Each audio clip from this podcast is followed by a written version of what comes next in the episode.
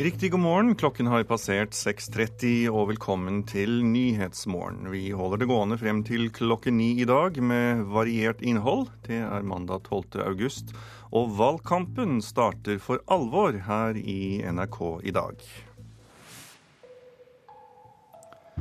Programleder denne mandagsmorgen det er Tor Albert Frøsland. Som vi hørte i Dagsnytt, så fører regjeringens løfte om fergefri E39 på Vestlandet til full krangel blant de rød-grønne. Partiene er ikke enige om hvor broene skal bygges, og nå kan nødvendige vedtak bli utsatt til etter valget. Jeg syns det er for dårlig. Det burde vært avklara for lenge siden. Folk på gata på Sandane er lite imponert over regjeringa sitt valgløfte om E39. For de rød-grønne greier ikke å bestemme seg for hvor bruene skal komme. Det går ikke an å holde på på den måten der. Skal ikke du ha kaffe, da? I mars sto Senterpartileder Liv Signe Navarsete og næringsminister Trond Giske på Vestlandet og var rørende samde. For meg og for alle andre vestlendinger så er det en drøm som eh, nå skal gå i oppfølging. Men så starta kranglinga. Fire ulike fjordkryssinger står nå og venter på avgjør, medan regjeringspartiene fremdeles forhandler. Ingen kan love avgjør før valget. Etter planen skulle trasévalene legges fram i samband med Nasjonal transportplan i vår. Bruene som ikke er avklart, er mellom Bergen og Stavanger, over Nordfjord i Sogn og Fjordane, og samtlige fjordkryssinger i Møre og Romsdal. Nei, Jeg tenker at eh, det er ganske dårlig. Disse dokumentene skal fram så fort at det egentlig bør komme en avklaring før valget. Det sier fylkesordfører i Hordaland Tom Christer Nilsen fra Høyre. Han vil ha ferjefri vei mellom Bergen og Stavanger, og er utålmodig. Nå frykter han at prosjektet blir trenert. Så lang tid det tar å få gjort de enkelte grepene, så trenger vi å sette i gang så fort som mulig. Også lokale rød-grønne politikere er lei av å vente. Ordfører i Gloppen i Nordfjord, Anders Ryssdal fra Senterpartiet, mener det haster å bli samde før valget. Det er bare å sette i gang og få gjort et vedtak. Vi har altså brukt eh, fire år på prosessen så langt. Og da er det jo merkelig, når alle kort ligger på bordet, at ikke regjeringa kan få, få landa dette her. Statssekretær i Samferdselsdepartementet Geir Pålestad fra Senterpartiet vedgår at partiene fremdeles forhandler. Det er ingen hemmelighet at uh, ulike partier har ulik vurdering av de regionalpolitiske virkningene av ulike trasévalg. Samtidig sier Pollestad at en avgjerd haster. Den må komme i år for å ikke trenere regjeringa sitt valgløfte, men han kan ikke love at det skjer før valget. Jo, Vi ønsker å ta en avgjørelse så raskt som mulig. Det er klart Avgjørelsen er tryggest eh, hvis det skjer før valget, men vi styrer altså landet ut fra et perspektiv om at vi også skal styre det etter eh, valget. Det som er viktig for framdrifta, er å få en beslutning i 2013. Følgende kan bli at en ny regjering må ta avgjørelser. Det mener folk på gata på Sandane er for dårlig. Flere mener de nå ikke kan stole på E39-løftet til regjeringa. Det er valgflesk. Det er jo dårlig. Vi kan ikke ha en sånn strid gående i det uendelige. Det går ikke. Reporter var Asgeir Reksnes. Og jeg har med meg andrekandidat til Senterpartiet i Sogn og Fjordane og fylkesvaraordfører Jenny Følling. Hva syns du om det du hører her? Er det en drøm som går i oppfyllelse, slik eh, Liv Signe Navarsete hevdet?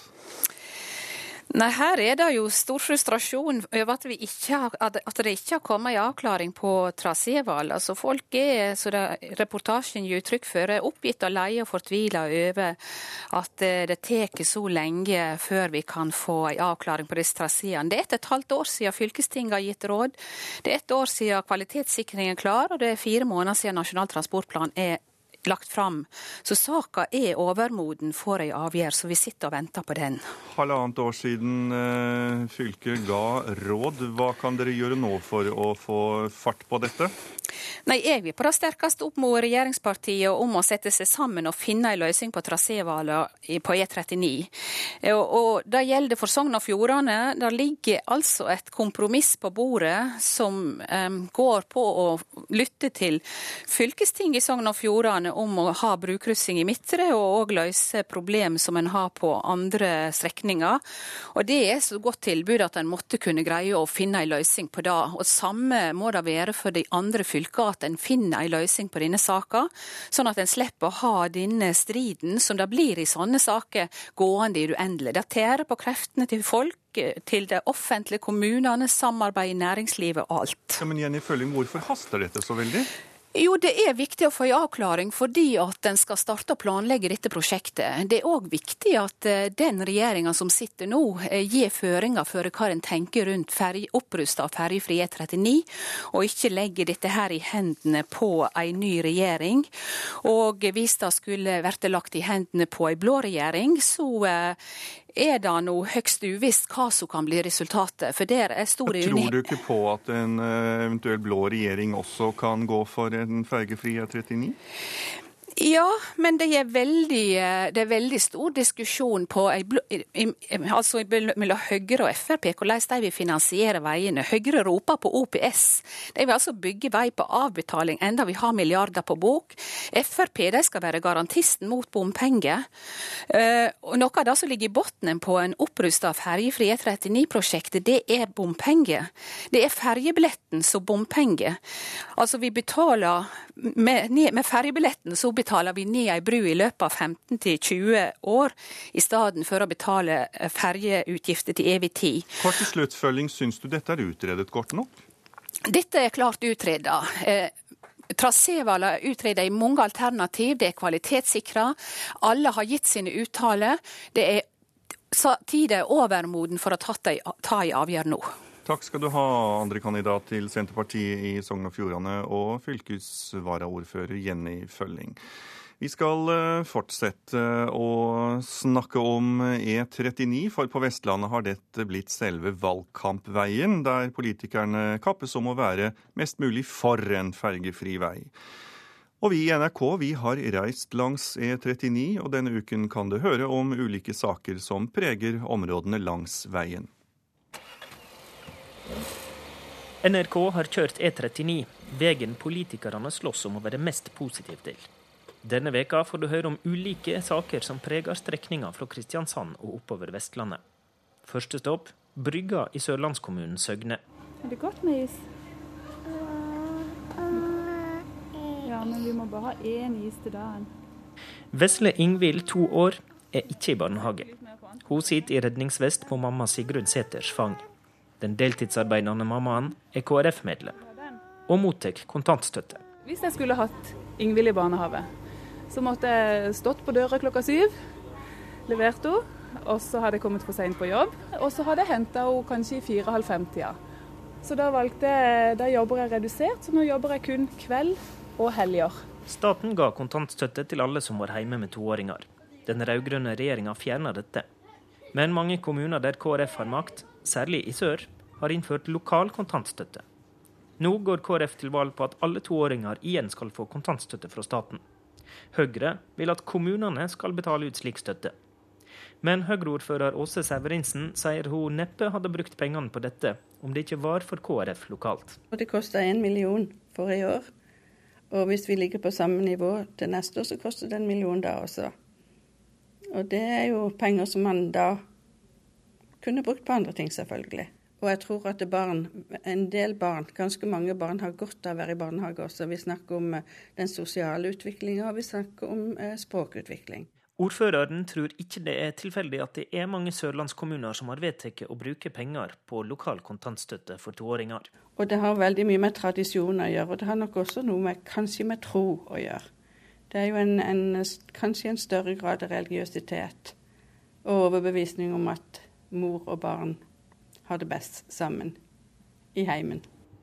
Men selv om trebarnsmammaen Sigrun på Brygga er både kontantstøtteentusiast og KrF-sympatisør, så tror hun ikke det er noe vinnersak i valgkampen lenger.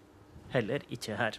Det er vel mindre og mindre vinnersak med kontantstøtte. Det virker jo sånn i samfunnet generelt at den er, den er litt på vei ut. Og det er vår reporter Håvard Grønli, som er reisende reporter langs E39. Siv Jensen lover å åpne pengesekken for et nytt klinikkbygg på Radiumhospitalet dersom Fremskrittspartiet havner i regjering. Frp-lederen mener Norges fremste sykehus på kreftbehandling råtner på rot. Det skriver VG, som hevder bygget vil komme til å koste minst 1,3 milliarder kroner. Høyre har tidligere stemt nei til forslag om et nytt klinikkbygg, men Jensen sier hun vil gjøre alt for å få det på plass i løpet av neste stortingsperiode. Utenriks nå. I Egypt har politiet varslet at de vil starte arbeidet med å få fjernet de mange tilhengerne av tidligere president Morsi i dag. Mange av støttespillerne sitter i protestleire i Kairo, og det er fryktet at det å fjerne dem vil føre til nye blodige kamper i Egypt. Og jeg har med meg Afrikakorrespondent Lars Sigurd Sunnanå, du er i Kairo. Og hva kan komme til å skje utover dagen? Det blir en stor samordnet operasjon mellom politiet og sikkerhetsstyrkene i Egypt. De to protestleirene ventes å bli ringet inn med piggtråd, stridsvogner og pansrede personellkjøretøyer. Demonstrantene får slippe ut, men ingen kommer inn lenger. Strømmen blir borte, og tilførselen av mat, vann og andre forsyninger til Morsi-tilhengerne kuttes også. Overgangsregjeringen og innenriksminister Mohammed Ibrahim regner med at det da vil etter hvert bli nokså utålelig å oppholde seg i leirene i den brennhete sommervarmen, og at iallfall en del av demonstrantene vil gi opp og forsvinne av seg selv. Det er svært mange kvinner og små og store barn i leirene. Det gjelder ikke å ha dem der når neste fase i operasjonen kommer. Når pro-morsiden-demonstrantene skal fjernes med makt. Det kan bli langt blodigere enn det som trolig skjer utover dagen i dag. Eh, det har vært relativt stille i Egypt eh, den siste tiden, så hvorfor skjer akkurat dette nå, når det ser ut til å, å hva skal jeg si, bli litt roligere? Det er tatt hensyn til muslimenes hellige fastemåned ramadan, som var over for fire dager siden, og den påfølgende feiringen av høytiden Id al-Fitr, som var slutt her i Egypt natt til i dag. Nå har, igjen, nå har hverdagen meldt seg, og med den kommer altså aksjonen for å fjerne Morsi-tilhengerne i de to protestleirene. Og Hva kan bli de langsiktige konsekvensene av det som nå skjer? Det mest alvorlige er at det muslimske brorskapet trolig vil bli radikalisert, og at ytterliggående medlemmer kan komme til å velge vold og terroraksjoner som uttrykksmidler, siden de ikke på fredelig vis er blitt hørt når de har krevd løslatelse og gjeninnsetting av deres demokratisk valgte president Mohammed Morsi. Skjer det, rammes ikke bare Egypt med sine 85 millioner innbyggere, men hele Midtøsten. Takk skal du ha, Afrikakorrespondent Lars Sigurd Sunna nå. En fløy i Al Qaida har tatt på seg ansvaret for de mange bombeangrepene som tok livet av til sammen 74 mennesker og skadet flere hundre i Bagdad og nærliggende områder denne helgen. Det kommer frem i en uttalelse på et internettforum for jihadister. Det melder det franske nyhetsbyrået AFP. Også i går har ni mennesker mistet livet i voldshandlinger i Irak. Da tar vi en titt på forsidene til noen aviser. Valgkampen starter for alvor i dag, og det preger også avisforsidene. Flere aviser har en litt spesiell forside i dag. Et likelydende og likt utseende omslag, der de kjører en kampanje for å få flere til å bruke stemmeretten. Både Aftenposten, Vårt Land, Nasjonen, Stavanger Aftenblad, Adresseavisen og flere har kun én ting på forsiden, eller dette omslaget da i dag, der de forteller oss at nesten halvparten av folk under 30 år ikke stemmer ved valg. Veksten i helsevesenet kan ikke fortsette i det uendelige, advarer professor i helseøkonomi Ivar Sønbø Christiansen. Til Dagsavisen sier han at vi må innse at vi kommer til eh, å ha dårligere helse- og omsorgstilbud i fremtiden. Dagens Næringsliv tar for seg Høyres helsereform, der nok en professor i helseøkonomi, denne gang Terje P. Hagen, forteller oss at helsereformen til partiet vil koste 2-3 milliarder kroner hvert år. VG forteller oss at nå starter høstrushet for boligsalg, og gir oss 15 råd med på veien i boligjakten. Det nærmer seg skolestart, og Dagbladet forteller oss hvordan barna kan bli en skolevinner. Uten eh, utviklingsminister Heikki Holmås sier til Klassekampen at Høyre er på parti med rømlinger, når partiet tar imot gaver fra Monaco-bosatte milliardærer. Bergens Tidende har historien om ingeniøren Eridaya Baral, som er utdannet i Norge, men som ikke får jobb her fordi han må utvises først, og arbeidsgiveren fortviler. Fedrelandsvennen har VM-stoff fra Moskva på sin forside, der trener for norske Ida Markussen, Lukas Udelhoffen, hevder at minst halvparten av deltakerne i sjukamp er dopet. Finansavisen tar for seg de mange appene vi laster ned til smarttelefonene våre. Avisen slår alarm og forteller oss hvordan vi kan beskytte oss mot virus på ondsinnede apper. Sport nå her i Nyhetsmorgen. Rosenborg vinner årets eliteserie i fotball. Det sier NRKs fotballekspert Carl Petter Løken, etter at Rosenborg i går karet til seg 2-2 borte mot tittelutfordrer Strømsgodset. Trøndernes evne til å ta poeng på dårlige dager blir avgjørende i serieinnspurten. De nekter å tape, selv i kamper hvor de egentlig ligger under litt spillemessig og i forhold til sjanser også, så taper de ikke. Og nå har de spilt 13 kamper på rad eh, uten tap, og jeg tror eh, Rosenborg vinner. Karl Petter Løken har latt seg imponere av Rosenborgs evne til å plukke med seg poeng, og i går plukket de med seg enda et, til tross for at Strømsgodset var det klart beste laget i toppoppgjøret på Marienlyst. Ja, som jeg sier at Hvis du skal være med og kjempe om gullet, så må du ta poeng på, på, dårlige dager. og Det viser vi i dag, og det skal vi ta med oss som en uh, veldig veldig viktig egenskap. Det vitner om moral, og det vitner om uh, Det kan du si gjerne en klisjé, men det viser at uh, det er derfor vi tar poeng i dag. Hansens trenerkollega i Strømsgodset, Ronny Deila, vil ikke utrope Rosenborg til seriefavoritt riktig ennå, til tross for at trønderne nå har 13 kamper på rad uten tap. Vi får se, da, vet du. Vi har motbevist før, vi. Men uh, blir det sølv, så skal jeg ikke være noe lei, meg for det. Og blir det bronse, skal jeg heller ikke være lei meg for det. Reporter var Olav Havdal Tangenes, og du hørte også Rosenborg-trener Per Joar Hansen. Klokken den eh, nærmer seg 6.50 her i Nyhetsmorgen i NRK P2 og Alltid nyheter, og dette er hovedsakene våre i dag. Regjeringens løfte om fergefri E39 på Vestlandet har ført til full krangel blant de rød-grønne så lang tid det tar å få gjort de enkelte grepene, så trenger vi å sette i gang så fort som mulig. Det sa fylkesordfører i Hordaland, Høyres Tom Christer Nilsen. Myndighetene i Egypt varsler at de vil ta et oppgjør med de mange tilhengerne av tidligere president Morsi. Og følger du med, så skal du få høre at også musikere tar en svingom på årets kammermusikkfestival i Stavanger. Der er dans årets tema. Men nå skal vi høre at Høyre ikke vil kutte i offentlige arbeidsplasser i distriktene. Det sier stortingsrepresentant Frank Bakke-Jensen fra Finnmark. Mens Arbeiderpartiets nestleder Helga Pedersen mener ni av ti kommuner får det verre under Høyre, så sier Bakke-Jensen at sammenslåinger og ny teknologi vil redde distriktene. Teknologien gjør jo at jeg i dag kan jobbe nesten like effektivt på hytta som det jeg kan gjøre på eh, Stortinget.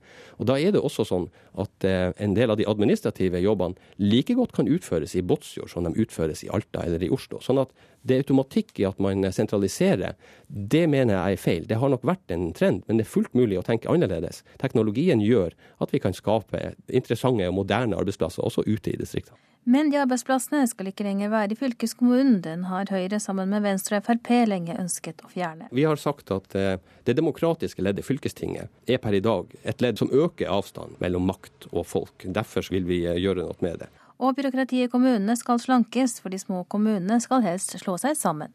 Vi har ingen planer om å legge ned noen offentlige arbeidsplasser. Den viktigste forskjellen er at vi ønsker å eh, styrke den offentlige eh, velferden, eh, der Høyre prioriterer skattekutt. De ønsker jo også å kutte kommuneøkonomien i ni av ti norske kommuner, og det vil særlig ramme distriktene. Det mener Arbeiderpartiets nestleder Helga Pedersen. Men Bakke-Jensen er helt uenig i hennes regnestykke. Effektivisering vil tvert imot gjøre at folk har råd til å bo i distriktene, mener han. For at kommuner skal klare å levere sikre og gode tjenester til, til innbyggerne, så må de antagelig operere i større enheter enn det vi ser en del plasser i dag. Kommunesammenslåing skal basere seg på frivillighet. Og så har vi sagt at vi vil se særskilt på to eh, områder.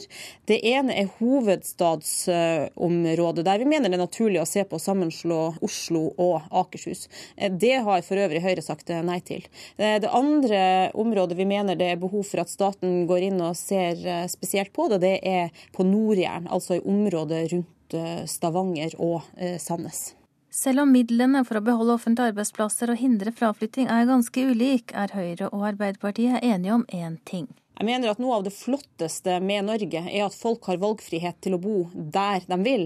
Jeg kan velge å bo i lille Vestertana med utsikt til eh, havørn og langt til nærmeste nabo, mens andre velger å bosette seg i de største eh, byene våre. Ærlig talt så mener jeg faktisk at det, det gjør noe om det blir fraflytting. Det skal være, også være mulig å bo og skape sin hverdag da man vil. Og Vil jeg bo i Båtsfjord, så skal det være mulig for meg å bo i eh, Båtsfjord og skape min hverdag der. Reporter det var Silvana Elisabeth Granlien. Denne uken står kammer i kammermusikkens tegn både på Øst- og Vestlandet. Fredag åpnet Kammermusikkfestivalen i Oslo, og i kveld starter festivalen i Stavanger. I sistnevnte by er dans årets festivaltema, og det betyr at enkelte musikere vil røre mer på seg enn det som er vanlig. Jeg kan jo moonwalke. Veldig imponerende. Fiolinist Ingerine Dahl i Stavanger symfoniorkester skjønner hvorfor enkelte har beskrevet klarinettist Martin Frøst som den klassiske musikkens Michael Jackson. Det er jo fryktelig få som kan beherske instrument på det nivået og danse og bevege seg samtidig. altså. Men det kan faktisk svensken, som gjør seg klar til konsert med orkesteret i Stavanger konserthus uten taktstokk, men med klarinett og steppesko. For et av stykkene er eh, perkusjon i føttene.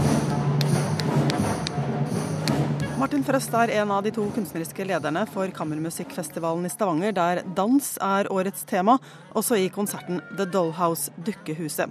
Der han altså leder orkesteret ved å gi signaler med kroppen og føttene. Så det handler om energier eller tråder som går mellom musikere og meg og musikere imellom. De reagerer på mine rørelser, kan man si.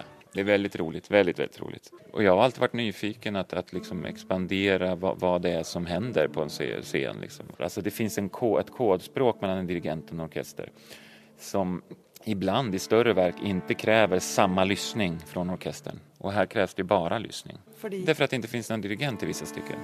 Det setter jo alle på prøve, da. Hovedsakelig må vi ta alt ansvar selv. Og bare reagere på noen få tegn som selvfølgelig indikerer hvor vi skal være sammen. Men vi er jo nesten altså, altså 80-90 mann som skal reagere på akkurat det samme samtidig. Så det er jo spennende. Ingerine Dahl og orkesteret har fått noe å bryne seg på, og det er også meningen, sier Martin Frøst. Om du ser på hvor mange hundretusentalls dirigenter det finnes, og at de gjør eksakt likadant. Men det kreves jo også noen type av utvikling. Det er ingen kunstform som kommer å være exakt likadant genom årtusenden. Det går ikke. I morgen har den dansende klarinettisten Martin Frøst premiere. Og Michael Jackson er ikke den eneste som virtuosen har blitt sammenlignet med. Nå i Verbier fikk jeg høre at det, var, at det så ut som Nijinsky eller Mick Jagger, så det er alltid assosiasjonen. Det er rolig. Reporter blant dansende musikere var Anette Johansen Espeland. Og nå skal vi høre om en litt grisete start på studenttilværelsen. For da student Agnete Ure Oppheimsvangen fikk tildelt en hybel fra Studentsamskipnaden i Tromsø, så var den fylt med nedgrodd skitt, rot og søppel. Det føles utrygt at 18-åringen blir mottatt, slik sier mor Åse Britt Ure. De ble sjokkerte over det som møtte dem i fellesområdene på studentenes delte hybel. De kommer inn og blir hengende fast i gulvet, og det er så skittent over hele gulvet. Bare lukten, matlukten. Komfyren er jo eh, gørrskjeten. Inngrodd skit på gulv og dører, et kaos av rot, matrester og bås, et bad der hår og sanitærbind flaut fritt, og melkekartonger på kjøkkenet som gikk ut på dato i mai. Jeg har en melkekartong som er fra halvfull, og som er fra 4. mai, står den datert. Hvordan føltes det for deg å komme hit? Eh? Som fersk student, og dette er det som møter deg når du kommer til Tromsø for første gang? Det blir jo ikke kjekt i det hele tatt. Når du gikk lenger inn og liksom så hva som var her, da hadde du egentlig bare lyst til å snu og finne noe annet.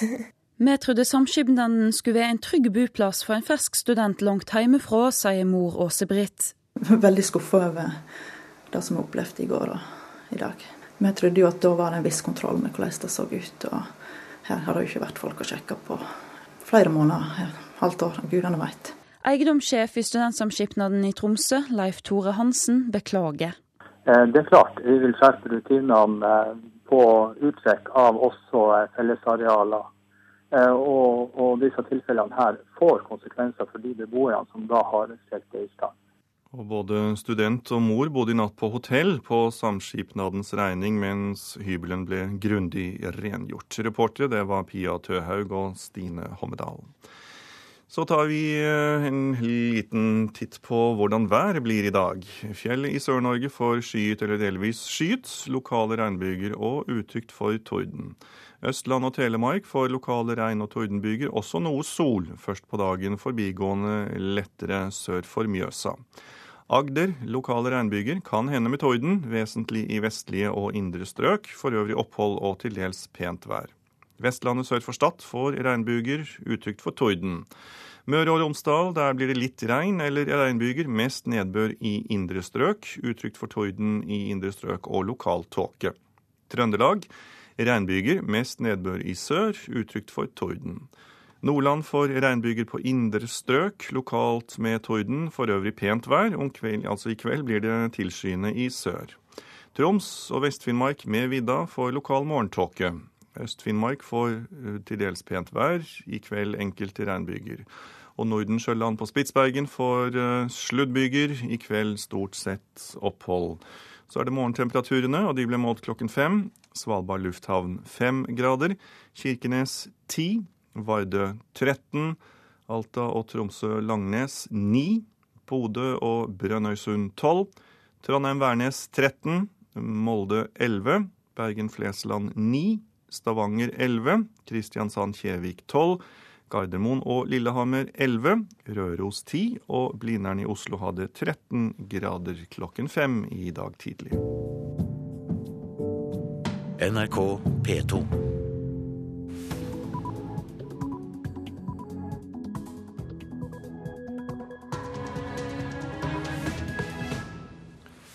Det er uh, Nyhetsmorgen du lytter til i NRK P2 Alltid nyheter. Nå når klokken har passert sju med tre minutter, skal vi fortsette med oljeinntektene de kommende årene. For de såkalte oljeinntektene da, de kommer til å øke kraftig de neste fire årene. En eventuell ny regjering kan de neste fire årene øh, bruke like mye som Stoltenberg-regjeringen har hatt de siste åtte årene. Jens Stoltenberg har truffet mange, men Jeg har aldri truffet en politiker som ikke er for god eldreomsorg. Men jeg har truffet politikere som ikke har råd til god eldreomsorg. For de har brukt opp pengene på andre ting, f.eks. skattelette. Politikerne man treffer fremover kan forsyne seg av en historisk god oljeinntekt. De neste fire årene kan en regjering bruke over 800 milliarder kroner uten å bryte handlingsregelen. Det er like mye som Stoltenberg har måttet spre over dobbelt så lang tid. NRK har truffet oljefonddirektør Yngve Slyngstad, som bekrefter NRKs regnestykke basert på regjeringens egne tall. Fondet er jo blitt betydelig større, og det betyr jo at handlingsrommet innenfor en handlingsregel vil være også større. Vi har truffet SSB-forsker Erling Holmøy, som sier vi ikke må velge. Ja, isolert sett, og hvis vi begrenser oss til ja, vi kan godt se lenger frem enn fire år òg, så er det så store inntekter for det offentlige, eller vekst i inntektene for det offentlige i forhold til utgiftene, at vi kan både øke velferden i forhold til det nivået vi i dag har, og kutte skattene. Vi har truffet Frp-nestleder Ketil Solvik-Olsen, som sier vi har råd til mer enn vi tror, skattekutt og velferdsøkning samtidig. Det er ikke rom for alt som en ønsker, men er du målrettet på skattelettelsen, er du målrettet på måten å organisere velferden, så kan du gjøre begge deler. Vil det være bærekraftig å basert på neste fireårsperiode legge opp til en nasjonaløkonomi som tar inn i seg så store eh, inntektsøkninger og det handlingsrommet vi har den perioden isolert? Det som er viktig, det er å sørge for at norsk økonomi blir mer allsidig enn det den har vært under de rød-grønne. Den har blitt svært oljeavhengig, både gjennom oljepengebruken, men ikke minst oljeinvesteringene. Samtidig har investeringene i fastlandsindustrien blitt halvert. Det er en svært uheldig utvikling. Da må vi se på hvordan vi kan bruke litt av oljeformuen på å bedre rammebetingelsene for øvrig næringsliv, øvrig industri. Og Der vil Fremskrittspartiet bruke litt penger. Og ja, det vil framstå som skattelettelser. Men det er skattelettelser som bedrer vår framtidige produksjon, framtidig verdiskapning, og det vil komme alle til gode. SSB holder meg litt mer reservert. Han sier konsekvensen av å kutte skatter og øke velferd nå vil få konsekvenser om mange år. På lang sikt så må man da enten øke skattene mye mer enn det vi ellers ville, eller kutte offentlig velferd tilbake enda mer enn det vi ellers ville gjort. Og Jens Stoltenberg han møter du straks som gjest i partilederutspørringen her i Nyhetsmorgen. Og i kveld møtes alle partilederne til debatt, bl.a. om økonomi på NRK1 direkte fra Arendal. Reporter det var Lars Nehru Sand. Og en som også er på plass i Arendal, det er deg, politisk kommentator Magnus Takvam. Dette lyder som det flyter av melk og honning eller olje. Hvordan ser du på disse tallene? Det er klart, Dette er jo, som innslaget også var inne på, tall som allerede ligger i eh, regjeringens eh, mange dokumenter. Men det er klart, når man rendyrker dem på denne måten, så illustrerer jo det den formidable veksten som vi både har hatt, og som vi kommer til å få de nærmeste årene pga. våre oljeinntekter. Jeg eh, kan nevne at fra 2001 til 2013 så har denne oljepengebruken økt fra 33 milliarder kroner i året i 2001, da handlingsregelen ble innført, til 125 milliarder omtrent eh, i år. Så det har allerede vært en sterk vekst i bruken, og kommer til å bli det. Men Baksiden av stykket er selvfølgelig at utgiftene, det å drive eh, kongeriket Norge, også blir dyrere år for år. Eh, regjeringen hevder at å drive dette kongeriket Norge, som du sier, det er en slags enten-eller-politikk. Altså, men vil dette svekke muligheten eh, for den rød-grønne regjeringen til å gjennomføre argumentasjonen om skatt eller velferd? For vi har jo da tilsynelatende råd til begge deler. Jeg tror kanskje det, det, mest krevende er på den pedagogiske siden. Eh, det er klart det er, eh, hvis man er eh, fagøkonom og setter opp regnestykker over pluss og minuser, så, så, vil regnestykket se litt mer vanskelig ut når det gjelder det reelle handlingsrommet i økonomien. Men det er klart å nå fram med det til velgerne, som gjerne vil ha bedre utvikling i velferdssamfunnet vårt på ulike områder der det svikter. Det er nettopp på den pedagogiske biten der eh, som jeg tror eh, det er vanskelig å argumentere med slike store oljeinntekter. Og det har jo vist seg også politisk. Kort til slutt, Magnus Takvam. Betyr dette at en eventuell ny borgerlig regjering får fire feite økonomiske år?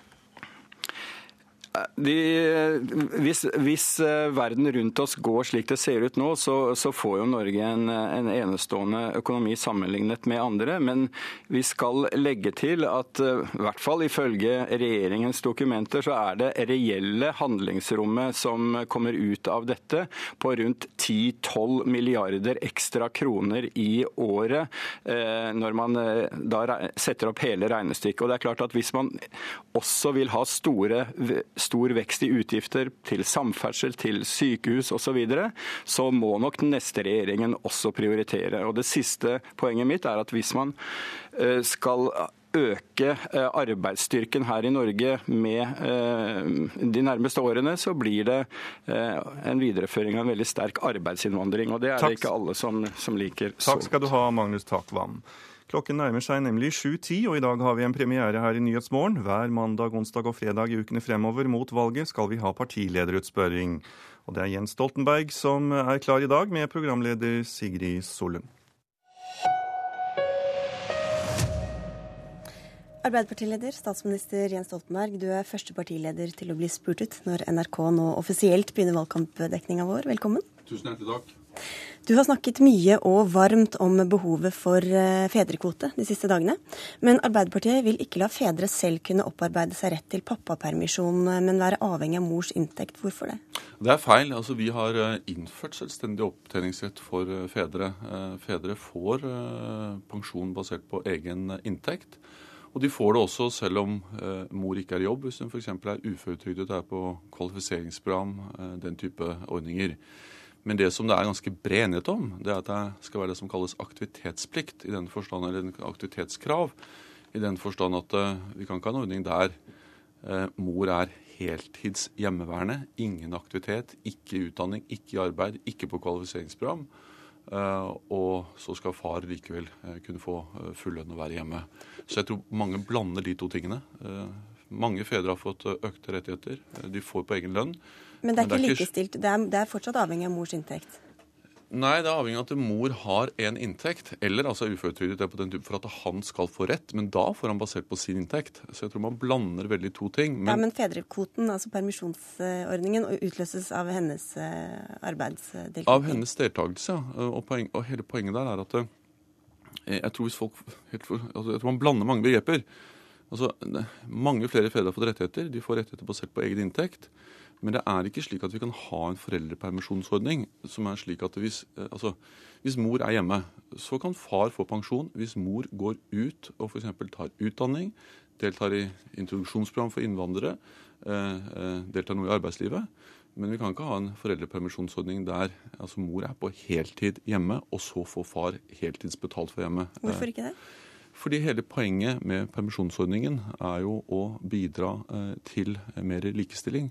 Og vi ønsker ikke å ha en ordning som gjør at det, det altså ikke stilles noen krav til aktivitet. Eh, det tror jeg Men, men hvorfor, altså Likestillingsarbeiderpartiet, altså partiet Arbeiderpartiet, hvorfor skal dere ikke likestille foreldrene sånn at det bare Hvorfor skal det følge mor? Hvilke signaler sender det? Jo, men altså det, Far har fått selvstendig opptjeningsrett i betydningen at han får Så lenge mor er i arbeid eller annen Så lenge mor er i en eller annen form for aktivitet. En, en del av permisjonen får han uansett, men, uh, men altså full permisjon det er vel, altså for alle ukene er er det, ikke slik at far kan få hvis mor velger uh, å ikke altså gå ut i noen form for aktivitet. Vi holder oss til familier i alle former og dilemmaer knyttet til det. Jens Stoltenberg, hva syns du om surrogati?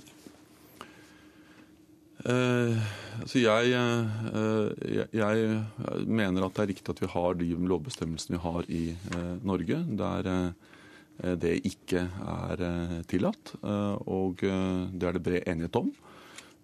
Det som jo har vært en mye mer krevende debatt i Norge, er hvordan vi skal håndtere de som velger å ta det i utlandet. Hvorfor legger dere til rette for surrogati gjennom at dere sikrer de juridiske rettighetene til surrogatbarn, og heller ikke gjør det praksis, i praksis ulovlig å skaffe seg det i utlandet? Altså, jeg, altså, det som er Poenget der er jo at det er viktig at når først barn er eh, født, eh, og det har skjedd gjennom surrogati, så er det viktig at de barna får en ryddig juridisk ramme rundt sin eh, oppvekst. Det mener jeg er eh, helt avgjørende.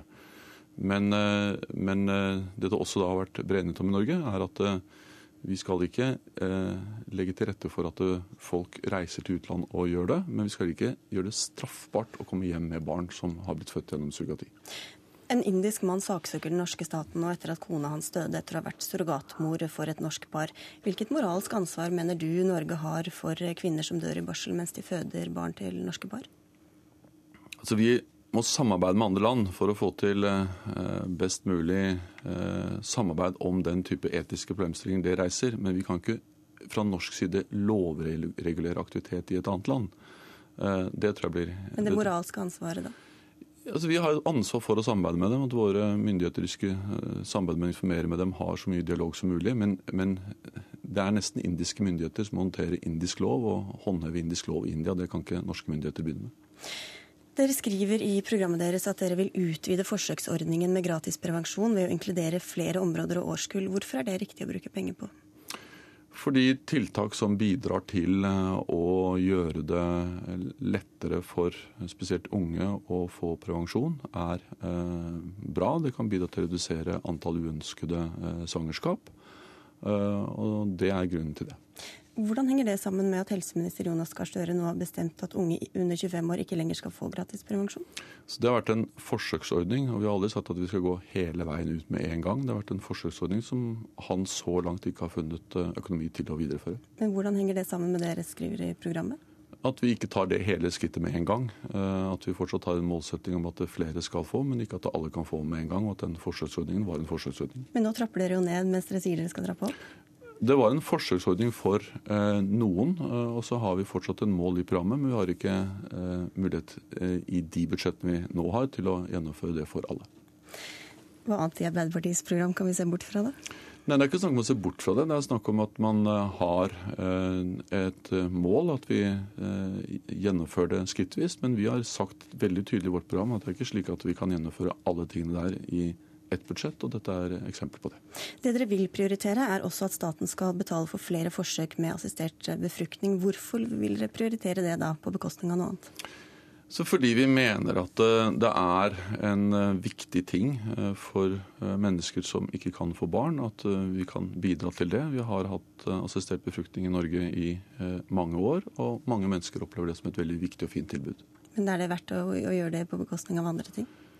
Altså, det er jo slik at vi har en vekst som vi kan disponere, også innenfor helsebudsjettene. Og dette er jo sammenlignet med veldig mye annet vi gjør innenfor helse, eh, veldig lite kostnadskrevende ting. Slik at dette er eh, små utgifter sammenlignet med de store utgiftene på helsebudsjettet. Dere skriver i programmet at transpersoner bør få anledning til å endre sitt juridiske kjønn uten krav til sterilisering, noe som i prinsippet betyr at menn kan bli gravide og føde barn selv. Hvordan ser du på det? Altså, det det handler om der, er at det har vært et veldig viktig krav for veldig mange eh, transpersoner. Og eh, vi har vært opptatt av å lytte til eh, dem. Det er en liten gruppe, men det er en gruppe som føler seg opplever seg eh, veldig eh, diskriminert, og i hvert fall ikke anerkjent i det norske samfunnet. Skal vi skifte tema? Det kan godt gjøre. Dagsnytt forteller i dag at regjeringa de neste fire årene får dobbelt så mye å rutte med fra oljefondet som din har hatt. Hvordan kan du da si at en eventuell blå regjering må velge mellom skattekutt og velferd? Fordi det er en veldig alvorlig ting hvis man nå tror at eh, selv om denne regjeringen har eh, brukt klart under 4% altså avkastningen av pensjonsfondet, at det bare er å eh, bruke den reserven vi der har bygget opp. Fordi det er en, eh, en bruk av oljepenger som ville sette norsk økonomi over styr. Altså Da ville vi få veldig høy prisstigning, veldig høy kostnadsvekst. og Derfor er det ikke slik at vi altså Selv om vi nå ligger under 4% bare kan fylle opp det Eh, med, eh, med, enten offentlige utgifter eller med skattelette. Vi kommer til å, altså jeg har sagt flere ganger at vi kommer til å måtte holde oss under 4 på banen eh, framover hvis eh, oljefondet og norsk økonomi utvikler seg som det nå ser ut til. Men handlingsrommet blir større? Ja, men det er ikke et handlingsrom vi uten videre kan bruke. Verken til økte offentlige utgifter eller eh, til økte eh, skatter. Dels fordi at handlingsrommet blir større fordi det utløses av en veldig sterk vekst i pensjonsfondet. Og det er en del av handlingsregelen at vi har sagt at vi skal bruke uh, den type økt handlingsrom, eller innfase det over tid, og ikke bruke alt på en gang. Og dels fordi at vi uh, allerede har ganske høy aktivitet i norsk økonomi. Og da har det vært veldig tydelig på at uh, handlingsregelen skal brukes slik at vi også jevner ut svingningene. Bruker vi for mye for raskt, enten det er på skatt eller på offentlige utgifter, så får vi problemer med priser, kostnader og uh, industriens konkurransekraft. Så selv om Fremskrittspartiet da med dette kan holde seg innenfor handlingsregelen, selv om de bruker mer, så betyr ikke det at det er en ansvarlig økonomisk politikk? Men det er ikke å holde seg innenfor handlingsregelen. fordi at Handlingsregelen handler om uh, at vi skal over tid uh, bruke uh, 4 avkastning, eller forventet avkastning av pensjonsfondet. Vi har nå ligget ganske mye under 4 og jeg har sagt flere ganger at vi må nok ligge nærmere 3 Hvorfor setter dere ikke handlingsregelen ned til 3 da? Nei, fordi jeg tror det er veldig galt å begynne å skifte en sånn krittstrek avhengig av eh, svingninger i eh, pensjonsfondet og svingninger i økonomien. Fordi at eh, Selv om vi velger en ny langsiktig trend, altså avkastning av pensjonsfondet, så har vi også vært veldig tydelige på at vi skal svinge rundt den. I gode tider så må vi bruke noe mindre. I dårlige tider kan vi bruke noe mer. Eh, og uansett skal ikke skal si, kraftige endringer i pensjonsfondet, sånn som vi nå ser, at det vokser kraftig, slå rett ut i innenlandsbruk. Verken til økte utgifter eller skattekutt, fordi vi da vil få problemer eh, med kostnadsveksten i landet vårt, og det vil være det mest alvorlige vi kan gjøre for norske arbeidsplasser. Hvis det er som du sier at eh, skattekutt gir mindre velferd, hvorfor øker dere ikke da skattene litt for å få enda mer velferd? Fordi vi mener at vi trenger noen form for stabilitet og langsiktighet i forhold til norsk økonomi, i forhold til hvilke skatter vi har. Eh, vi eh, laget et eh, skatteforlik om et skattesystem i 2004 med den daværende Bondevik-regjeringen. og Da etablerte vi et nivå som vi mente var rimelig for til det skattesystemet, og det er det nivået vi har videreført siden 2004. Men hva er det som er så magisk med akkurat det at dere ikke kan øke litt eller senke litt? Det er det nivået vi etablerte da vi lagde et nytt skattesystem. Og jeg eh, mener at det er et poeng i seg selv å ha en form for forutsigbarhet og stabilitet. Det har vi altså eh, holdt på siden vi lagde det nye skattesystemet i 2004. Eh, jeg tror det er lurt at vi har den stabiliteten. Og den store debatten i Norge i dag handler jo ikke om hvorvidt vi skal øke skattene, men det handler om hvorvidt vi skal redusere skattene med ja, nye titalls milliarder. Og det vil gi mindre rom for eh, å bruke penger på helse, omsorg og andre viktige oppgaver. Ja, nettopp det. Helse og omsorg som det er begrunnelsen eh, mot skattekutt. Eh, for å ta det, Hvor sikker på er du for at f.eks. din far Torvald, som nå er frisk og rask, men en dag kanskje blir skral og syk, kan få sykehjemsplass når han og dere mener han trenger det? Så jeg eh, føler meg trygg på at han kommer til å uh, få uh, en god omsorg hvis han skulle trenge det. Men vi vet dessverre at det er for mange eksempler på at folk ikke får det. fordi vi har sett når folk klager, så er det for mange som, som får en god del mennesker medhold i at de ikke har fått de tilbudene de har krav på. Loven er jo grunnleggende sett veldig klar, nemlig at du har lovfestet rett til den nødvendige helsehjelp. Og det er en sykehjemsplass hvis det er det. Men vi ser at det ikke eh, for alle fungerer, eller ikke blir fylt med innhold. Og Det er grunnen til at vi har satt i gang en veldig stor utbygging. Det viktigste der er over 20 000 flere eh, ansatte eller årsverk i pleie og omsorg. Eh, men det er også mer kompetanse, flere med utdanning, flere som kan demens og også eh, både fornyelse og utbygging av nye plasser. Men hvor fornøyd er du med at dere ikke er kommet lenger i løpet av de åtte årene du har sittet? At folk fortsatt er usikre på hvordan de skal ende med dem selv eller med folk nær dem? Altså Det har vært en formidabel utbygging. altså med mm, og det aller viktigste uttrykk for det er mange eh, tusen flere ansatte. Og det er ansatte i pleie og omsorg, både eh, med hender og hoder, både med kompetanse og det de på alle måter bidrar med, som er det viktigste uttrykket for opptrapping i pleie og omsorg. OECD hadde nå en nylig en sammenligning, og der kommer Norge veldig høyt ut uh, blant de aller beste når det gjelder omsorg. Men dels fordi vi ikke er uh, fornøyd uh, med nivået eller tilbudet for alle, og dels fordi at vi fortsatt ser at det kommer til å være en stor vekst i behovene, så må vi fortsette å bygge ut. Vi skal til et tema som dere i programmet deres beskriver som vår tids største utfordring sammen med fattigdom, nemlig klima. SV mener vi ikke kan åpne for oljeboring i noen nye områder. Hva syns du om det forslaget? Så Jeg respekterer at SV har det standpunktet, øh, men det har ikke vært regjeringens øh, politikk. Vi har ment at vi skal kunne ha en skrittvis og forsiktig utbygging på norsk sokkel. Så det er uaktuelt for Arbeiderpartiet å gå med på? Så Denne regjeringen har stått for en annen politikk, og det er også Arbeiderpartiets holdning. Norge er en av verdens største eksportører av olje og gass, noe som fører til ti ganger så store utslipp i andre land som de samlede utslippene i Norge. Hvilket ansvar mener du vi har for den globale oppvarmingen og klimaendringene vi ser? Så Vi har et uh, stort ansvar for å bidra til å få utslippene ned. og Det er grunnen til at Norge er et uh, foregangsland, en pådriver for å redusere utslippene. Både internasjonalt og uh, hjemme. Vi har gjort store ting internasjonalt i forhold til å arbeide for å få på plass en avtale som er nøkkelen til å få ned utslippene. Vi har gjort store ting i forhold til regnskog, der vi nå ser kanskje de største enkelttiltak som bidrar til å redusere utslippene. Men vi har også gjort store ting når det gjelder klimaødeleggelser. Og så går utslippene ned hjemme. Nei, altså Jeg mener at det er veldig eh, forenklet å si at eh, vår olje- og gassvirksomhet nødvendigvis er uforenlig med en offensiv eh, klimapolitikk. Det er veldig stor forskjell på at hvis vi får en internasjonal avtale, hvis vi får f.eks. pris på utslipp av karbon, så kan det ha konsekvenser for norsk olje- og gassproduksjon. Det er veldig stor forskjell på det å si at vi ensidig skal kutte våre utslipp. Det vil selvfølgelig påføre oss store inntektstap, eh, tap for Norge, men i tillegg, og det er mer alvorlig, så er det helt usikkert om det vil ha noe positiv effekt på verdens klimagassutslipp. De aller fleste analyser som vi ser, er at en viktig bidrag til å redusere utslippene i verden vil være å vri fra kull til gass. Det er bl.a. derfor utslippene nå går ned i USA. Men selv hvis man erstatter og, all kull med gass, så hindrer ikke det en oppvarming på over to grader? Så det vi ser nå er at det er mange land som får ned utslippene fordi de har vridd fra kull til gass. Eh, og i en lang periode vil den vridningen være et vesentlig bidrag til eh, reduksjoner. Og eh, hvis vi ensidig begynte å kutte på vår produksjon, så er jo risikoen bare at det ville bidra til Eh, mindre gass og mer kull. Og det vil i hvert fall øke utslippene. Så det er veldig stor forskjell på det å få til en avtale, og vi er veldig sterk tilhenger av en avtale med ikke minst at man setter en pris på utslipp. Eh, og det å begynne ensidig å kutte, det vil ha usikre, eh, kan til og med ha negativ virkning på utslippene. Men Det internasjonale energibyrået sier at minst to tredeler av verdens fossile, altså det vi vet finnes av olje, gass og, og kull, må ligge hvis vi skal unngå en global oppvarming på over to grader. Hvem bør la sitt eh, kull, olje og gass ligge, om ikke Norge? Vi bør få til en avtale som gjør at det kommer en pris på utslipp. Eh, og da vil de eh, fossile brenslene som forurenser mest, som er minst lønnsomme hvis det koster å forurense, bli liggende. Og det vil først og fremst være kull. Det vil i minst grad være gass. Og norsk sokkel så er det slik at oljeproduksjonen faller jevnt og trutt, mens gassproduksjonen øker og øker. Og i mange år fremover og i mange land vil det å gå fra kull til gass kunne bidra til omtrent halvering av utslippene.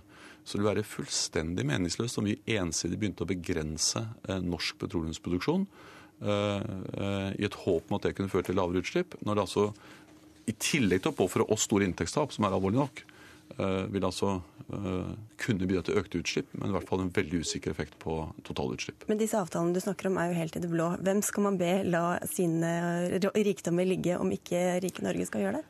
Altså, det er mye bedre at vi bruker våre rikdommer på ting målrettede tiltak vi vet fører til reduksjoner. Eh, som f.eks. at vi var det eneste landet som overoppfylte Kyoto-avtalen uh, med 10% Det bidro til reduksjoner gjennom at vi fikk til uh, kjøp av kvoter, finansierte klimatiltak, som påviselig bidrar til lavere utslipp.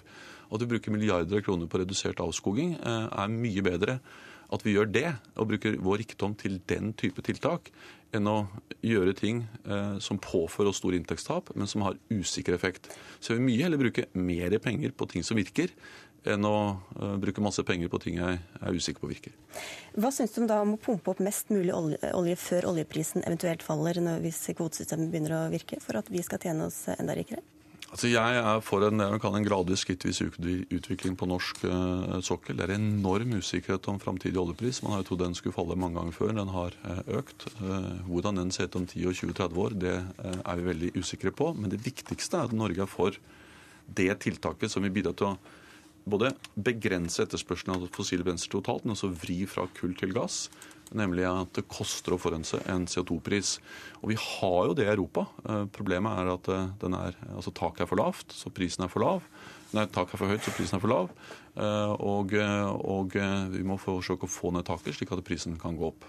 Hvorfor gjør dere ikke mer utenfor kvotesystemet i Norge og setter opp avgiftene betydelig på f.eks. bensin, diesel, oljefyring, noe vi vet har innvirkning på hvilke valg folk tar?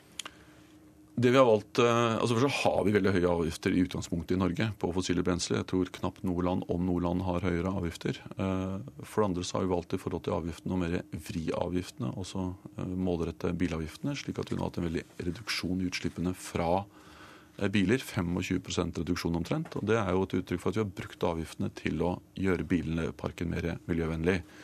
Eh, fyringsolje er jo økt kraftig, og det har bidratt til å utfase fyringsolje betydelig fra norsk husholdning, norsk bruk. Så jeg eh, vil si at vi har brukt de virkemidlene betydelig, og i klimaforliket ligger det an til eh, ytterligere utfasing av den type fossile brensler. Men hvis du var en grei og miljøbevisst diktator som skulle regjere i minst 30 år uten bekymring for gjenvalg, hva ville du da gjort for å gjøre Norge mer eh, miljøvennlig? Altså, da ville jeg gjort det som monner mest. Og det som monner aller mest, er jo det vi bidrar til gjennom det internasjonale kvotesystemet. Jo, men i Norge, da? Ja, men Det bidrar også i Norge. For det er jo den type internasjonale priser som presser eh, eh, fram en omlegging av både produksjon og forbruk i Norge.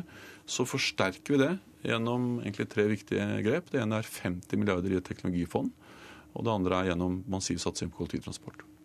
Jens Stoltenberg, takk skal du ha for at du kom til partilederutspørringen. I kveld skal du delta i NRKs partilederdebatt i Arendal, så drosjebilen står vel og venter utenfor? Jeg tror jeg skal på nettmøte i NRK først. ja, du skal det. Ja. Du skal svare på flere spørsmål fra lesere og lyttere i et nettmøte på nrk.no. Og hvor du også kan se eller høre denne sendingen eh, når som helst. Den går også i reprise på NRK1 ti over tolv i ettermiddag.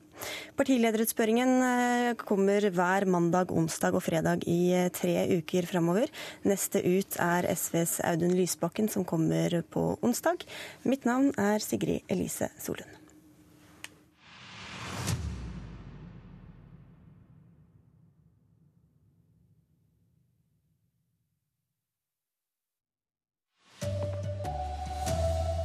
Oljeinntektene dobles de neste fire årene. Det gir rom for både skattekutt og økt velferd, mener Fremskrittspartiet. Flere norske kommuner har økt prisen for SFO kraftig de siste årene. Og Rosenborg ligger an til å vinne Eliteserien, det mener NRKs fotballekspert. Ja, dette er NRK Dagsnytt, klokka er 7.30. Norges oljeinntekter kommer altså til å øke kraftig de neste fire årene. I en eventuell ny regjering kan de neste fire årene bruke like mye som Stoltenberg-regjeringen har hatt de siste åtte årene.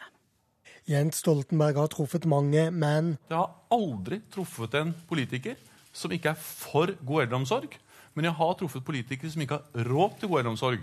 For de har brukt opp pengene på andre ting, f.eks. skattelette. Politikerne man treffer fremover kan forsyne seg av en historisk god oljeinntekt. De neste fire årene kan en regjering bruke over 800 milliarder kroner uten å bryte handlingsregelen.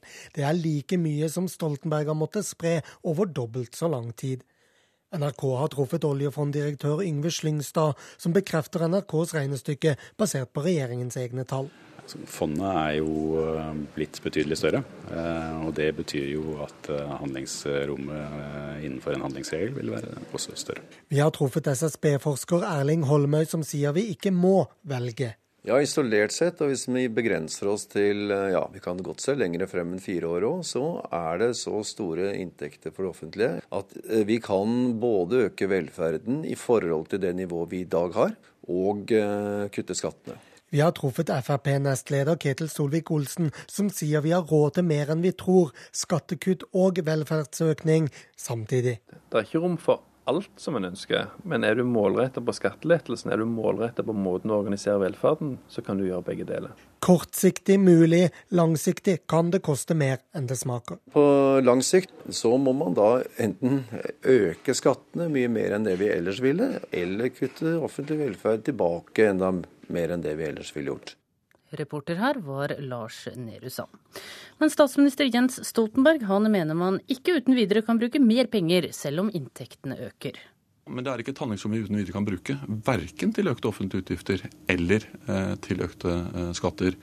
Dels fordi at handlingsrommet blir større fordi det utløses av en veldig sterk vekst i pensjonsfondet. Og det er en del av eh, handlingsregelen at vi har sagt at vi skal bruke uh, den type økt handlingsrom, eller innfase det over tid, og ikke bruke alt på en gang. Og dels fordi at vi uh, allerede har ganske høy aktivitet i norsk økonomi. Og da har det vært veldig tydelig på at uh, handlingsregelen skal brukes slik at vi også jevner ut svingningene. Bruker vi for mye for raskt, enten det er på skatt eller på offentlige utgifter, så får vi problemer med priser, kostnader og uh, industriens konkurransekraft. Ja, Det sa Jens Stoltenberg da han i morges var førstemann ut i vår partilederutspørring før valget. Politisk kommentator Magnus Takvam, du er med oss nå. Vi hørte Stoltenberg her si at vi ikke uten videre kan bruke disse pengene. Fremskrittspartiet mener noe annet. Er det det politikerne kommer til å krangle om fremover nå? Ja, Det også. Eh, vi kan jo illustrere det ved å vise til at i disse tallene som vi hadde i innslaget her, så beregner man at eh, oljefondet vil være på rundt 5000 milliarder kroner om et par år. Og er Da er det klart at hvis man eh, bruker 1 mer eller mindre av det, så betyr det rundt 50 milliarder kroner på statsbudsjettet fra eller til. Og Det er noe av poenget. I dag ligger ikke uh, oljepengebruken på 4% men på nærmere 3% Så det blir også et spørsmål om hvor mye man vil fase inn av disse oljepengene uh, i tida framover for hvilken som helst regjering som kommer. Ja, Fremskrittspartiet mener jo nå at vi har råd til både skattekutt og økt eh, velferd, og dermed så faller jo de rød-grønnes argumentasjon litt bort, da? Ja, Det er klart at, men det er jo da også en uh, politisk uh, prioritering. Uh, og sånn som forskeren var inne på her, så er det rom de neste årene for, for det. Men han hadde også en, et minus i argumentasjonen sin. Om noen, noen år, når eldrebølgen virkelig slår inn, så må man da, hvis man legger seg på et høyere utgiftsnivå i velferdsstaten de neste årene, kutte kutte i velferdsytelsene om noen år, eller eventuelt øke skattene. Så på lang sikt er, er problemet der uansett. Takk skal du ha, Magnus Takvam. Denne uka reiser NRK langs E39 fra Kristiansand og nordover på Vestlandet for å fortelle om ulike politiske saker som preger området.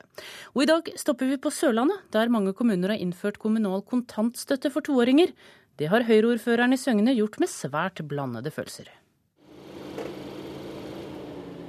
Første stopp Brygga i sørlandskommunen Søgne.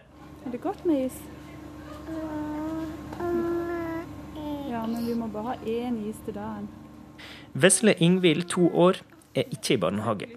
Hun sitter i redningsvest på mamma Sigrun Sæthers fang.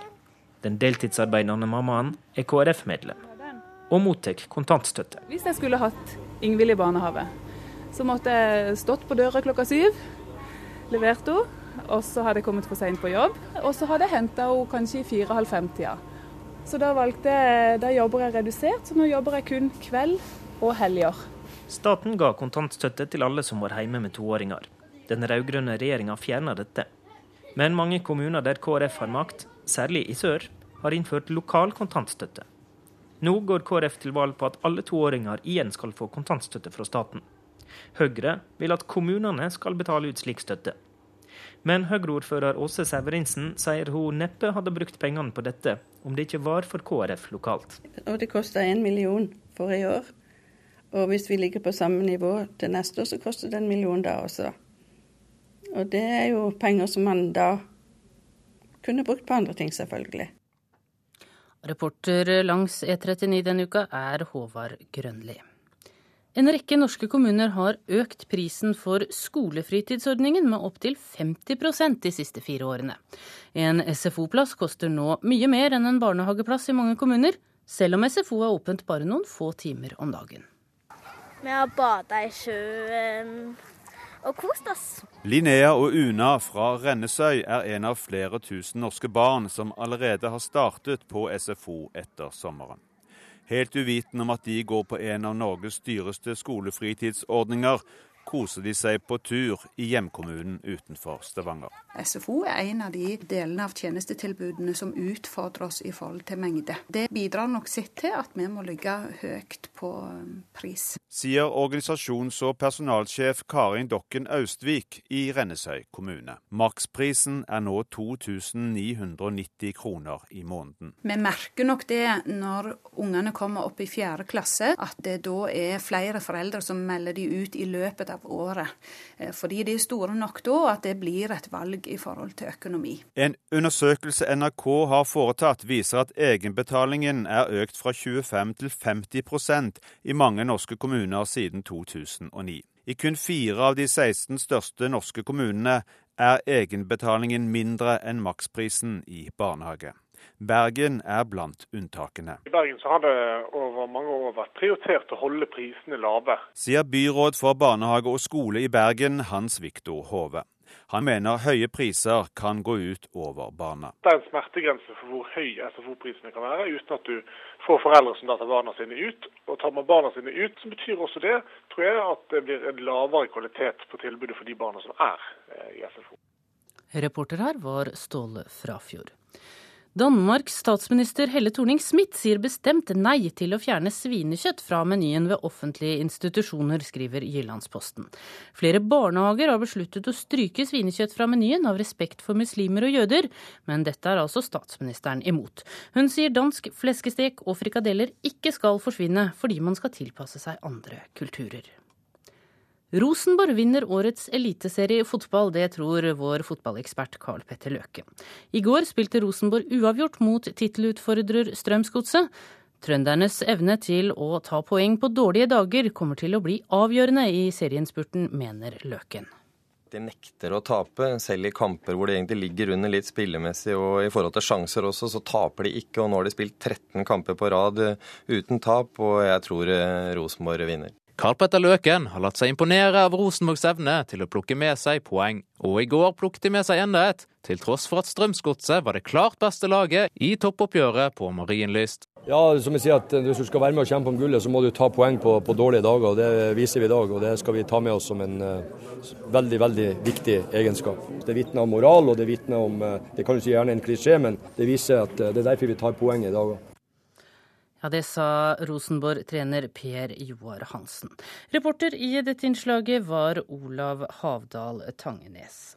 Ansvarlig for Dagsnytt-sendingene denne morgenen er Bjørn Christian Jacobsen. Det tekniske ansvaret har Hanne Lunås. Jeg heter Tone Nordahl. Og her i Nyhetsmorgen skal vi til Belgia nå for å høre om trafikkaos i Europas hovedstad. Motorveiene inn til Brussel er både mange og brede, men knapt i noen annen europeisk by er køene lengre. It's, uh, it's Jan de Brabanter kan aldri ha dårlig tid når han skal til jobben. Av erfaring vet han at han neppe får brukt alle hestekreftene under panseret i Audien likevel. There we go, traffic jam. The last 10 years, let's say that uh, uh, traffic has really increased and uh, has, has become a real problem. De siste ti årene har køene blitt et virkelig stort problem, sier han. I den perioden har Brussel hatt en enorm befolkningsvekst, ikke minst fordi EU er utvidet med 13 land. Det har fått enda flere bedrifter, lobbyister og diplomater til å flytte hit til EUs hovedstad. Folk tar bilen til Brussel fordi de ikke har noe valg, mener det Brabanter.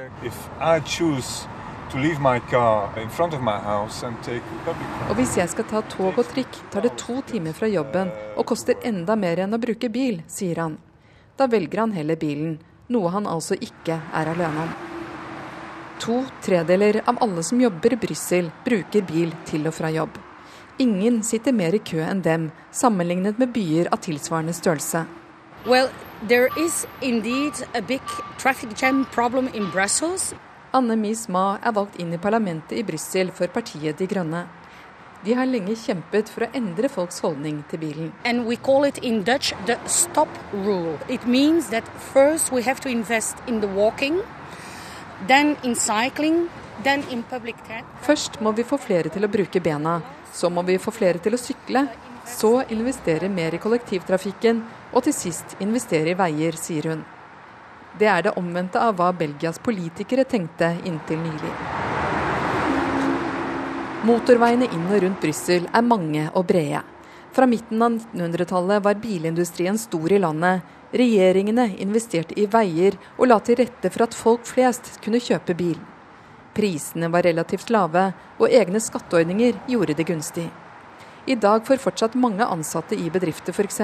firmabil som en del av lønna, forteller Mas. Even if people say no, I don't want a company car, then the company can't give anything else. So it is refuse, refusing um, a gift. And it's det er populært, for det er jo noe de får gratis. Baksiden er at hvis du ikke trenger bilen, så er det vanskelig å takke nei, og du får jo ikke noe annet. I dag sirkulerer så mange som én million firmabiler i Brussel by, med over 1,2 millioner innbyggere.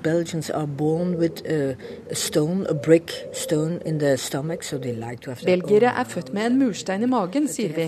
De vil ha eget hus, men de vil også ha en bil der, mener Brigitte Grovel, som er transportminister i Brussel. Regionsregjeringen har som mål å redusere trafikken med 20% innen 2018. De har bl.a. investert i bysykler, økt budsjettene for sykkelveier og er i gang med å forlenge metroen og lage flere kollektivfelt. Men motstanden er stor. Frustrasjonen over å få på plass et mer effektivt lokaltog er ikke mindre. Etter 25 år er det ennå ikke på skinner. Jan D. Brabanter sier køståingen også har en annen kostnad. Brussel handelskammer, BESI, som han leder, har regnet ut at køen koster samfunnet 511 millioner euro i året, eller 4 milliarder kroner. Well, uh, Selv kom han til kontoret i rimelig tid. Og det var vår europakorrespondent også Marit Befring som hadde tatt for seg trafikkproblemene i Brussel. Det er Nyhetsmorgen i NRK P2 og Alltid nyheter du har radioen din på. Og her er hovedsakene våre denne mandagsmorgen. Oljeinntektene kommer til å øke kraftig. De neste fire årene vil inntektene være like store som de siste åtte årene. De rød-grønne partiene klarer ikke å bli enige om hvor broene til en ny fergefri E39 skal bygges. Og det kan bli en blodig dag i Egypt i dag. Politiet skal fjerne protestleirene til Morsi-tilhengere. Og i dag så starter NRK sine valgsendinger, som vi har hørt. Og første debatt kommer fra Politikeruka i Arendal. Og der er også du programleder i Politisk kvarter, Per Erne Bjerke. Hvem skal styre Norge de neste fire årene? SV og KrF håper å avgjøre valget.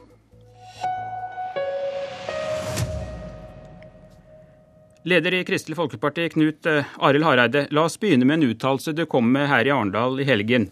Et flertall med Fremskrittspartiet og Høyre er ikke noe bedre enn et rød-grønt flertall, sa du. Hvorfor er det da så viktig for deg å kaste den sittende regjeringen? Ja, det er jo fordi at eh, jeg mener den regjeringa som har sittet nå, har gått i feil retning på veldig viktige områder.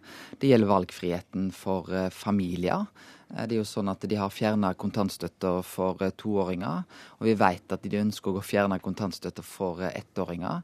Det vil bli, både bli veldig urettferdig, men først og fremst så syns jeg det er et signal til familien at det de velger, det er galt. Det er regjeringa som sitter på løsningen for hva som er det riktige valget for familiene.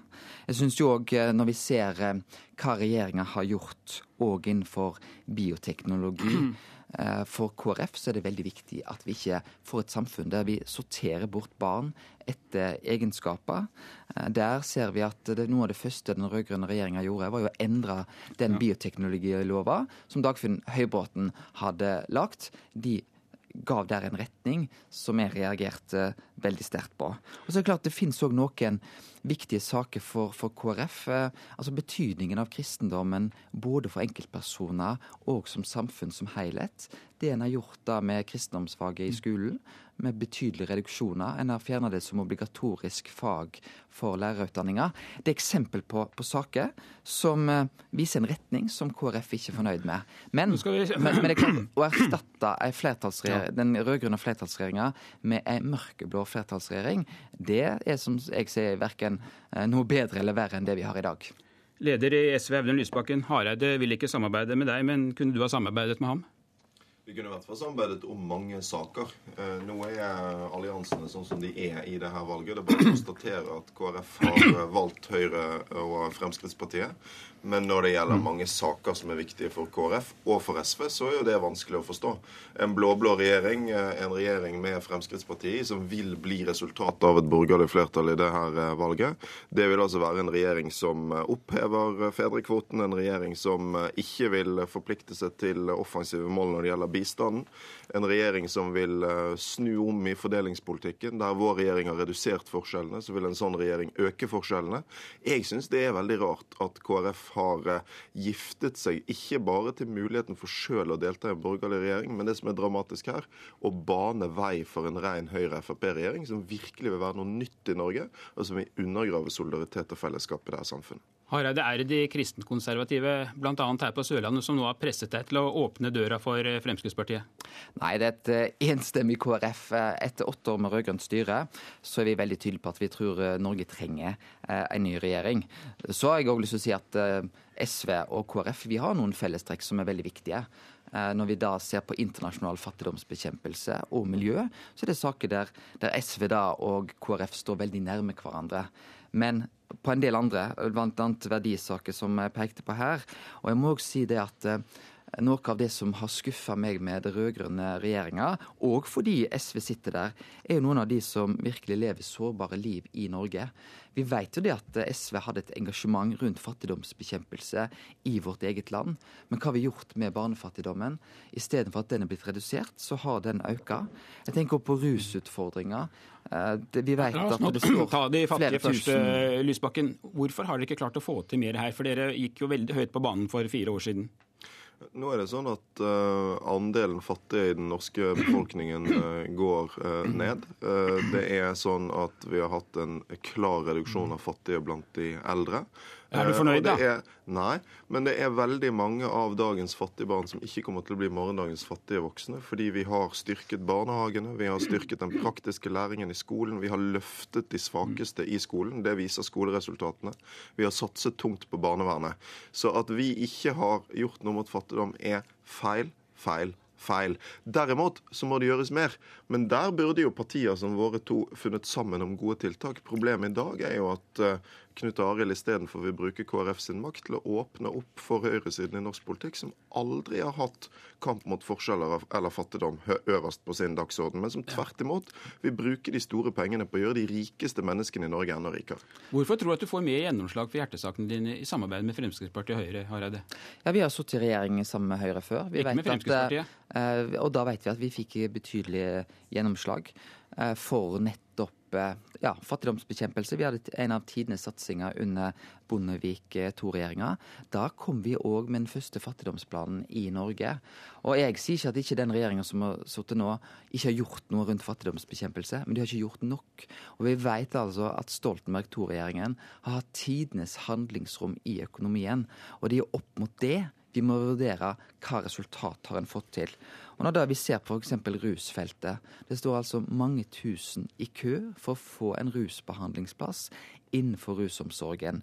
Og regjeringas svar er at ideelle aktører må legge ned sine institusjoner. Det står jo et grelt eh, må jeg si, motsvar mot det som burde vært ambisjonen til regjeringa, når det er mange tusen i kø. Vi vet at de øremerka Ja, midler i eh, kommunene er blitt kutta på Ja. over 300 millioner. Lysbakken, hvordan kan, du, Dette er jo ikke mulig å bortforklare. Det er jo en store køer når det gjelder folk som trenger behandling for bl.a. rusproblemer. Men dette resonnementet syns jeg er litt underlig, Hareide. Fordi at vi deler jo faktisk et engasjement vi for at de ideelle aktørene skal få ta sin del av jobben i velferdsstaten. Og Derfor så har jo eh, Barne- og likestillingsdepartementet under SV sitt styre bl.a. avskaffet anbudene i barnevernet for å kunne prioritere de ideelle aktørene. Men det er jo Høyre og Fremskrittspartiet imot. De ønsker altså fritt fram for de kommersielle aktørene overalt. Og Det som denne debatten, fattigdomsdebatten, debatten om Lofoten, Vesterålen og Senja viser, det er at dette valget handler om to valg. Det handler om hva slags regjering du vil ha, men også om hva politikk du vil ha. På alle disse områdene er det stor forskjell på SV og Arbeiderpartiet, og det er stor forskjell på KrF og Fremskrittspartiet. Men forskjellen på oss og KrF er at vi bare garanterer for en regjering der vi sjøl er med. Det blir aldri aktuelt for oss å støtte noen annen regjering enn en der vi kan slåss for disse sakene. Mens KrF altså har forpliktet seg til å sørge for regjeringsskifte uansett, også om det bare blir Høyre og Frp. Det mener jeg er en stor feil. Ja, Hareide, Alle meningsmålinger tyder altså på at Høyre og Frp blir helt dominerende på borgerlig side. Hvordan vil du forholde deg hvis de store borgerlige partiene bare skulle mangle et par mandater på rent flertall? Ja, jeg tror det er riktig som du sier, at det nå tyder på at det norske folk ønsker å få til et skifte. Eh, Alt tyder jo på, og med Torbjørn Jagland sine ord nå friskt i minne, så tyder det veldig mye på at det nå eh, blir det et jeg spør om, skifte. Hvordan vil du forholde deg hvis Ja. det, du blir, da blir en virkelig juniorpartner i et slikt samarbeid? Men jeg tror det norske folk må nå stille seg spørsmål. Ja, vi ønsker et skifte, men hvilket skifte ønsker vi? Og der tror jeg det er helt avgjørende at sentrum med KrF og Venstre får en avgjørende eh, hånd på rattet. Og det vil jo være en helt annen regjering hvis det er sånn at sentrum kan påvirke den. Og selv om ikke vi blir de største, så sitter vi i realiteten med en veldig sterk maktposisjon. fordi at vi sitter i den såkalte vippeposisjonen og vil kunne avgjøre mange Vil du eh, gå inn i en slik regjering hvis du da f.eks. bare har noen få mandater, som denne regjeringen er avhengig av? Eller vil det være umulig for deg å gå inn i en regjering hvis f.eks. Høyre og Fremskrittspartiet får over 80 mandater på Stortinget? Eh, For KrF så er selvfølgelig vårt ønske å komme inn i regjering. Vi har fått våre største seire når vi har sittet i regjering. Vi vet at vi påvirker politikken da i langt større grad.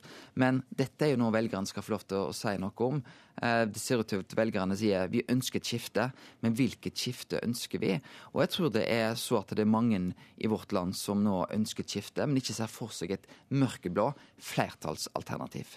Hvis folk ikke vil ha Fremskrittspartiet ved makten, så er det altså bare ett alternativ de har, og det er å stemme rød-grønt i her valget. Eh, Fordi Stemmer de på et av de borgerlige partiene, så vet de at de får Fremskrittspartiet ved makten. Det er det som kommer til å bli alternativet. Jeg tror veldig mange ikke ønsker seg en sånn utvikling. Jeg tror det er et flertall i Norge som vil ha sterkere fellesskap, som ikke vil ha privatisering, som vil ha små forskjeller.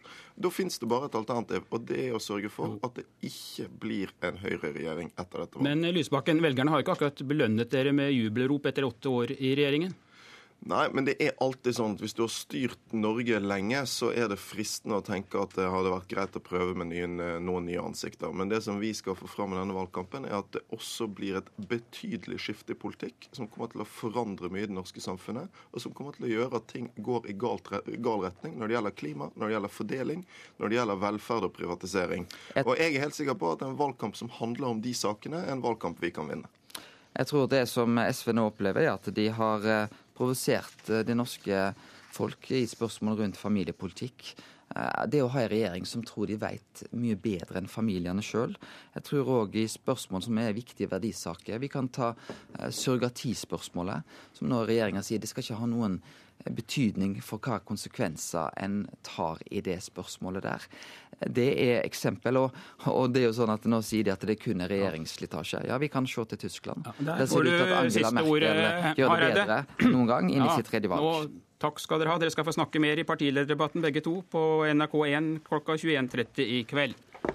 Eh, Over til deg, redaktør i Agderposten, Stein Gauslå. Hva tror du er den viktigste årsaken til at KrF, i motsetning til for fire år siden, ikke utelukker en regjering der Frp er med? Nei, det er jo det at de, eh, de må jo markere at de vil ha et skifte. Og det, dessuten så, eh, så har de jo demmet opp for Fremskrittspartiets fremgang ved forrige valg eh, ved å eh, rett og slett eh, si at de ønsker å samarbeide for å få til det skiftet. Det er konkurranse mellom partiene på høyresiden også. Og den har Kristelig Folkeparti innsett at de har måttet være med på. Men hvor mye vil du si at Hareide er blitt presset av de kristenkonservative velgerne her i et av KrFs kjerneområder i Agder? Jo da, det, det er klart. Det er jo dukket opp et, et protestparti som heter De kristne her nede, som, som, som, selvfølgelig beiter også litt på Kristelig Folkepartis jaktmarker. Og som kan begrense den oppslutningen de kan få. Så det er en balansegang hele tiden mellom partiene innenfor dette kristenfeltet.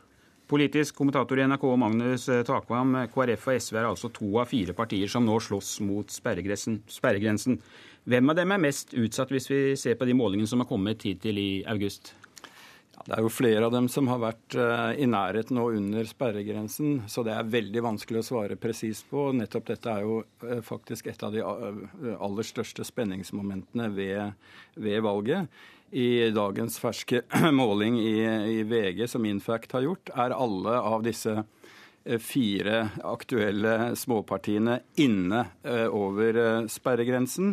Og faktisk det mest oppsiktsvekkende hvis vi ser på denne enkeltmålingen, er at Miljøpartiet De Grønne også snuser på sperregrensen og får 3,8% Vi skal ikke legge altfor mye vekt på en slik enkeltmåling, men det illustrerer hvor close det er. Men isolert sett så har faktisk SV da en viss framgang på denne målingen. Og så kommer det til å fortsette å, å vippe, tror jeg, i målingene framover. Nå hørte vi nettopp Lysbakken her, og er dette valget et vinn eller forsvinn for ham i norsk politikk? Han kan jo risikere å ikke komme inn på Stortinget igjen fra Hordaland?